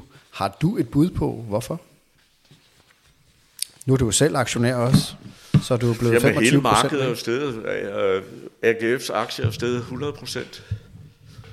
Øh, hvorfor den er steget? Ja, det er, den er steget nu her de her dage, for det man stadig øjner en chance for. Men den er jo faldet, hvis du lige går på den anden side af årsskiftet, så er den jo, er det jo ikke svært. Den har været helt i bund i ultimo 2020, ikke? Så det er jo ikke svært, at den er er steget. Jeg sidder lige herinde og kigger på det. Men ja, den, øh, den faldt jo rigtig meget øh, sammen med corona blandt andet, kan man sige. Ja, altså vi skal jo også sige alt det her. Ja. Altså med de resultater, der ligger, regnskabsmæssige resultater, der er parken jo ramt ekstraordinært hårdt. Ekstraordinært. Og derfor er der jo nogle udfordringer fremadrettet. For vi skal passe på, at vores kære stadion, det ikke forfalder. Der skal bruges en masse penge, og man kunne lave et rigtig spændende udvidelse af stadion derinde. Men det er så næste step. Men Flemming, når vi øh, nu har spurgt ud og sagt, at du skulle komme ind i vores udsendelse og spurgt, om folk vil stille spørgsmål, så har vi jo også fundet ud af, at du er en mand, der deler vandene. Øh, og der er jo nogen, der vil rejse en statue af dig inden foran parken, og så er der andre, der ser dig, øh, øh, der, der nærmest ikke øh, har, har lyst til at se dig. Og blandt andet så er der en Kasper Mortensen, der har skrevet på Twitter, hvordan har du det med, at din kriminelle handling var ved at ødelægge den klub, du påstår at være fan af? Øhm, og nu kommer, vi ikke, nu kommer vi ikke til at komme ind i den, Jo, jo, i lad, os da bare, lad mig bare høre men, men det er spørgsmålet, hvordan har du det med, at din kriminelle handling var ved at ødelægge den klub, du påstår at være fan af? Og mit spørgsmål er, hvordan har du det med, at der er nogle fans, der har skabt et eftermæl for dig, der, der går på det her? Jamen det er der utrolig ked af. Øh, lad mig sige med det samme, at, øh, og det fremgår også af de presmeddelelser efter dommen faldt, at øh, det har jo intet som helst med, med klubbens økonomi at gøre. Det der taler om, det er, at, at øh, Søk har ment, at Jørgen Klistrup som administrerende direktør, at han har kursmanipuleret, forstået på den måde, at, at kursen er blevet højere. Det er jo ikke noget med økonomien i, i, i, i FCK, og der er ikke nogen, der har taget nogen penge eller noget andet. Man mener bare, at de beslutninger, der er blevet taget fra Jørgens side, er, er, er kan man sige, har været derhen, hvor at man kunne rette. Det har så efterfølgende har jo så vist sig, at det drejer sig om 3,5 millioner, som Men- har været plus for Men det, men det er jo ikke fordi, jeg, jeg tror ikke, vi kommer til at, at sagsbehandle selve sagen her, men hvordan har du det med, at der Jamen, er det må nogen jeg- derude, der leve har med. det på den må, måde? Jeg må jo leve med, jeg kan jo ikke løbe fra, at jeg har fået en dom. Nå. Jeg må til gengæld sige, og det siger jeg meget hårdt og brutalt, at jeg ikke har tillid til det danske retssystem. Men det, det vi møder, Flemming, der, når vi stiller det spørgsmål, så er der jo mange, der, der, der bakker op om det synspunkt her. Øh, der er også mange, der bakker op om, at du har gjort noget, at du har været enestående fantastisk for FCK. Men er det også noget, du møder? Nu, nu siger du, du til samtlige FCK-kampe, øh, når man nu må se og sådan nogle ting. At, altså møder du fans, som repræsenterer de her to holdninger? Det ene er, der gør dig til en helgen, og den anden, der gør dig til en, til en djævel. Jeg tror ikke, jeg tror dem, nej, det gør jeg faktisk ikke. Altså, jeg tror, hvis du, skal vi sige, jeg får 1000 fanbreve, ja, så de fem, det har noget med det at gøre. Men når du møder fans, og det gør du jo alle vegne, FCK-fans, så er det den generelle, den er, at, at, at øh, der er ikke nogen, der går ind i de debatter omkring, at du skal på porten, om jeg så må sige, men de har en opbakkende holdning til din person. Jeg har ikke haft nogen, der... Jeg, jeg, jeg kan på Facebook, kan jeg få et eller andet, at det, uh, du skal i spjældet, eller du skal... Det går jeg ud fra, at det er for Brøndby-fans eller andre. Men jeg, jeg har jo igennem hele forløbet har jo skilt vandene. Men så er der en, en Klaas Mosen, som stiller spørgsmål. Hvad fortryder du mest i din tid i FCK? Jamen, der er jo flere ting, jeg fortryder.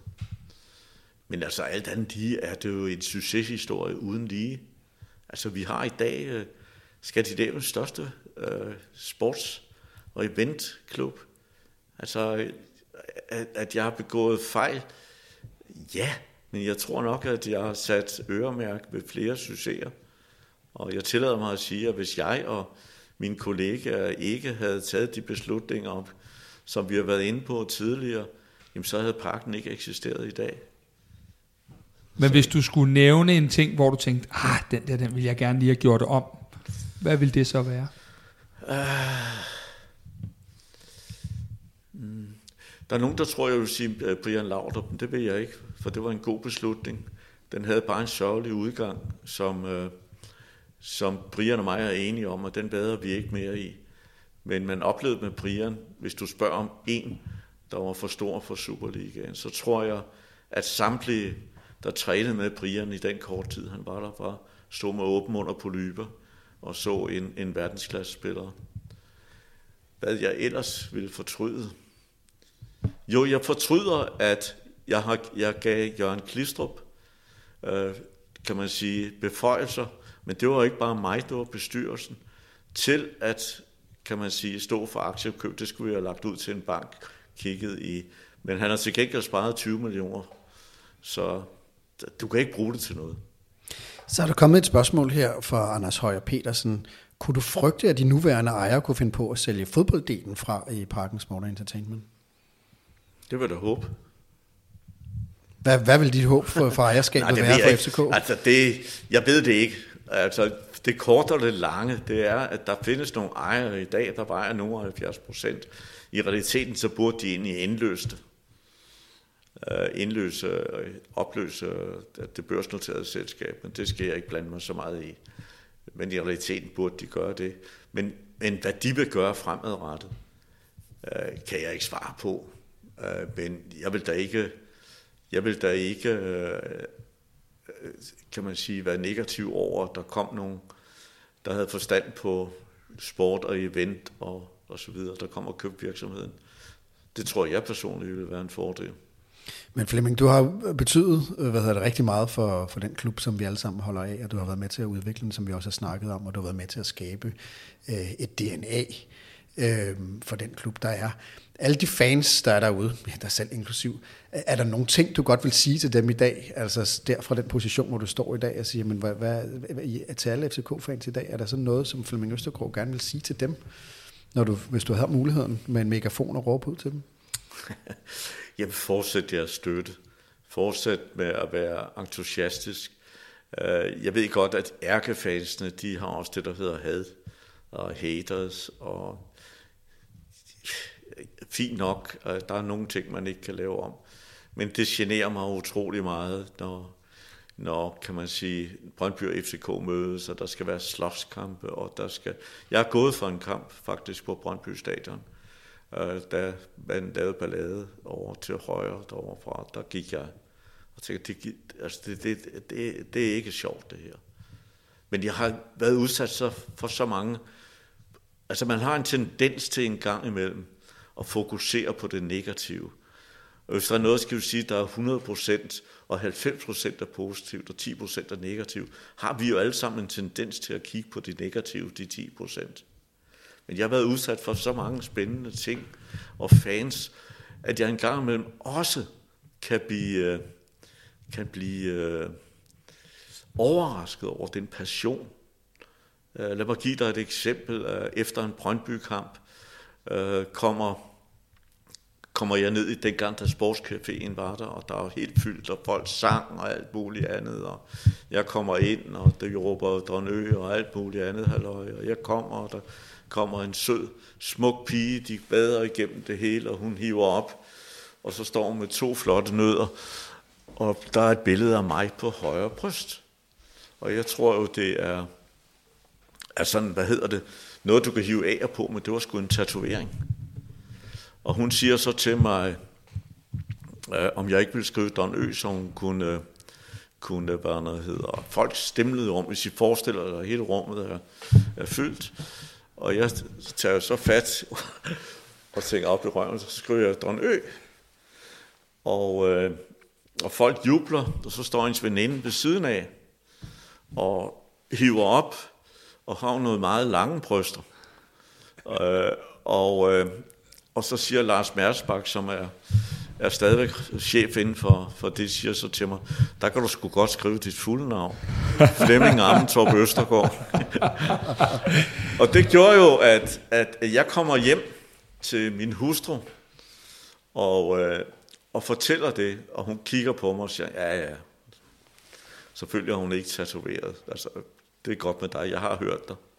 Så bliver vi danske mestre uh, umiddelbart efter, og der går vi jo rundt inde på plænen, og TV2 følger mig, eller i hvert fald tv-kanalen følger mig. Jeg kan ikke huske, hvem det er TV2 eller det er TV3, hed det dengang.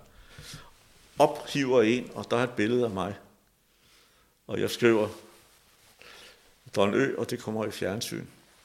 Og det gjorde så, da vi havde radioet Sten OG, Uh, øh, han efterlyste, og der var, jeg kan ikke huske, om det var seks eller syv, der meldte sig, de havde uh, sådan en. Så, altså, det må jeg ærligt indrømme. Jeg tænkte, sådan en køn, hun var uh, dansk-brasiliansk, sådan en køn pige, og hun bliver pakket ud af sin kæreste hjemme, og så sad der sådan en halvgammel støder, der sidder på hendes højre bryst. det er i hvert fald passion, kan man ja. sige. Men der er nogen, hvor, altså, hvor det næsten betyder mere end familien, ikke? og der kan jeg godt blive forskrækket. Men det er jo også noget af det, du har været med til at skabe, kan man sige. Altså, man kan sige ja, det skal jo ikke have skyld for det hele. Det er jo ikke bare i FC København, sådan er det vel også i Brøndby. Altså, du har den der fanatisme, ikke? Men altså, fans er jo vigtige, og det er jo vidunderligt spil. Det er jo vidunderligt. Men igen vil jeg også håbe, at, man, at det der springen fra had til at elske spillere, og den hårde retorik, der er kommet efter de sociale medier er kommet, det bryder mig sgu ikke meget om. Det må jeg ærligt indrømme. Fantastisk. Øh, Flemming, i hvert fald tak dig rigtig mange gange, fordi at du er kommet her og, og berig os med, med, med historien, og selvfølgelig en meget farverig udgang med, med tatoveringer på bryster. Øh, altså Kasper, er der noget, vi, øh, vi skal have svar på, Flemming, nu når vi har ham her? Altså, øh, man kan sige, at vi, vi ønskede jo at dække fortiden, for derefter at kunne øh, dække nutiden, og så til sidst ende med at tage et kig ud i fremtiden. Og jeg synes, Flemming har givet et super fint indblik i i, øh, i den tid og den periode, hvor FCK det blev, øh, blev øh, bygget op. Så øh, jeg vil også bare for min del sige tak for, øh, tak for indsatsen, Flemming. Men, men øh, nu har vi jo, vi kommer til at lave flere udsendelser i den her øh, udsendelsesrække, hvor vi prøver at kigge lidt på, på kulturen og DNA'et, og, øh, og vi skal jo blandt andet snakke med, med den kommercielle direktør, øh, Lausen i FCK, øh, i, i den her serie også. Hvis vi skulle stille ham et spørgsmål for Don Ø, Øh, hvad skulle det så være? Det ved jeg ikke. Altså, det må, det må den nuværende direktør... Det, vi har en utrolig dygtig direktør i Lars Bo. Ikke? Lars Bo har jeg jo været formand for hans selskab Promovator, sammen med Bribben Elkær. Lars Bo er utrolig dygtig. Lad dem ordne det. Det skal jeg ikke blande mig i. Det er godt. Her med ordene, og tusind tak for din deltagelse, Flemming. Så lidt.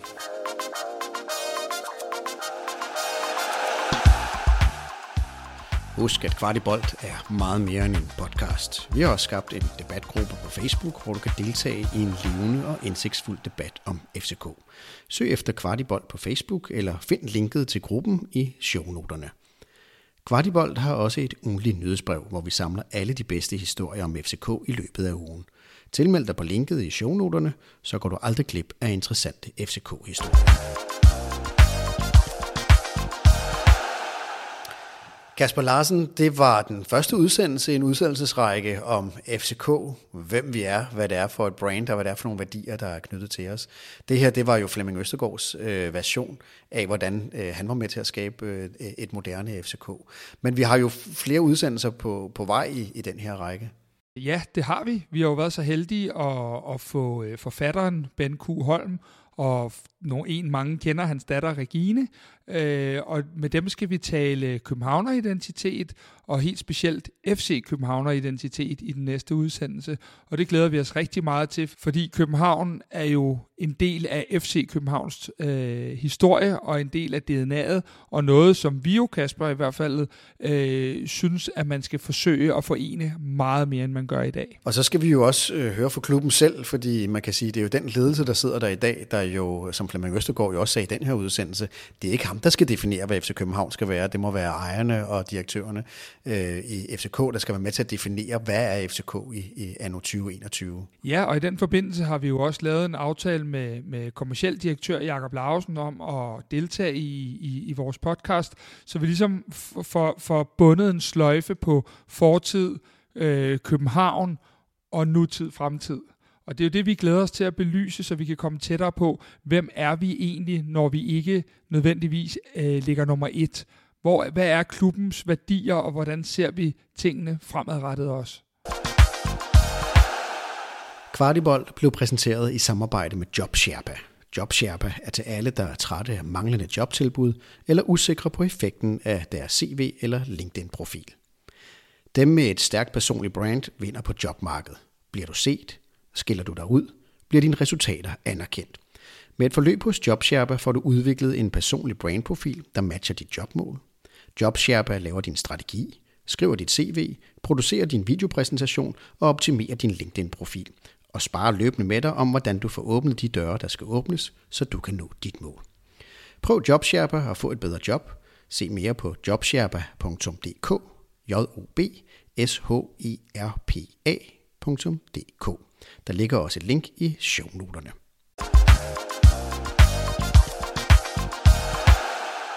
Hvis det er første gang, du lytter til denne podcast fra Kvartibolt, så vil vi lige reklamere for, at der ligger mange spændende udsendelser inde i vores podcast feed, som man kan finde der, hvor man normalt lytter til podcast og kan abonnere på dem. Øh, man skal bare søge på Kvart i Bolt. Lyt blandt andet til det her uddrag om en transfer special om sommerens mulige transferemner. Du kan høre et lille uddrag her. Og jeg, jeg har sådan set fundet øh, 10 navne, og så tænker jeg, hvis vi nu øh, laver lidt øh, ja og nej, Ja. og så øh, kan vi jo måske uddybe nogle af dem bagefter. Den første, jeg har på listen, det er, og jeg har selvfølgelig en begrundelse for det, det er øh, Hausner fra AGF. Han har en øh, Peter Christiansen connection, og i og med, at vi ikke rigtig ved, om Sanka bliver, så, øh, så tænker jeg, det var måske et oplagt bud. God case, ung spiller, videresalg. Hvad tænker du der? Nej. Nej. Super. Øh, den næste, det er en af vores øh, udlejede spillere, øh, Guillermo Varela. Øh, kunne han muligvis være øh, en mand for Torps øh, projekt? Nej. Øh, den tredje, det er Mikkel Duelund. Han vil, som vi hørte, i hvert fald gerne hjem. Har tjent fint og skal spille. Kender Torp. Kunne det være en mulighed? Ja. Sanka, hans lejeaftale slutter, øh, og med, med alt der, der strander det på noget økonomi. Han har en fed kontrakt i Tyrkiet, uden at betale det store i skat. Bliver Sanka i FC København efter sommerferien? Ja. Du finder et link i shownoterne til hele transferudsendelsen. Der kan du også finde et link til en udsendelse om FCK's talentarbejde, hvor vi fokuserer på alle morgendagens FCK-stjerner. Her kan du høre et lille uddrag. Nu har jeg fulgt øh, med i ungdomsfodbold en del år, og jeg har set mange unge spillere også øh, de forskellige steder. Jeg vil sige det sådan, at live har jeg aldrig set et større talent end Rooney. Øh, hans tekniske formåen er i, i en alder, nu sidst jeg så ham var han så 14, fordi at, øh, han er næsten lige blevet 15. Øh, en modenhed i spillet, i relationerne og det tekniske færdigheder er helt second to none, og han er på alle mulige måder et kæmpe talent med en lækker, lækker venstrefod, og, og øh, han kan bare så meget, at jeg håber, at vi når at se ham i den hvide trøje på A-holdet på et tidspunkt. Jeg tror ikke, der behøver at gå særlig længe. Reglerne i Danmark er, at man skal være 16 for at, at være med på førsteholdet, øh, og det bliver han til november, og jeg vil ikke blive overrasket, hvis han, han kommer med. Han er jo faktisk kun U17-spiller lige nu, men spiller er rykket op og spiller for U19-holdet. Han har deltaget i øh, både øh, reservekampe og nogle træningskampe nu, og øh, man kan sige det sådan, det er selvfølgelig klart, at hans output på seniorniveau er ikke øh, helt deroppe endnu, når han kun er 15 år, men han er stadigvæk en profil i U19-rækken, når han spiller der. Øh, og en lille sjov detalje omkring ham, som vi egentlig ikke behøver at komme så meget ind på, så har vi også netop snuppet lillebroren, så vi kan håbe, der er øh, mere x-faktor i vente i de kommende år.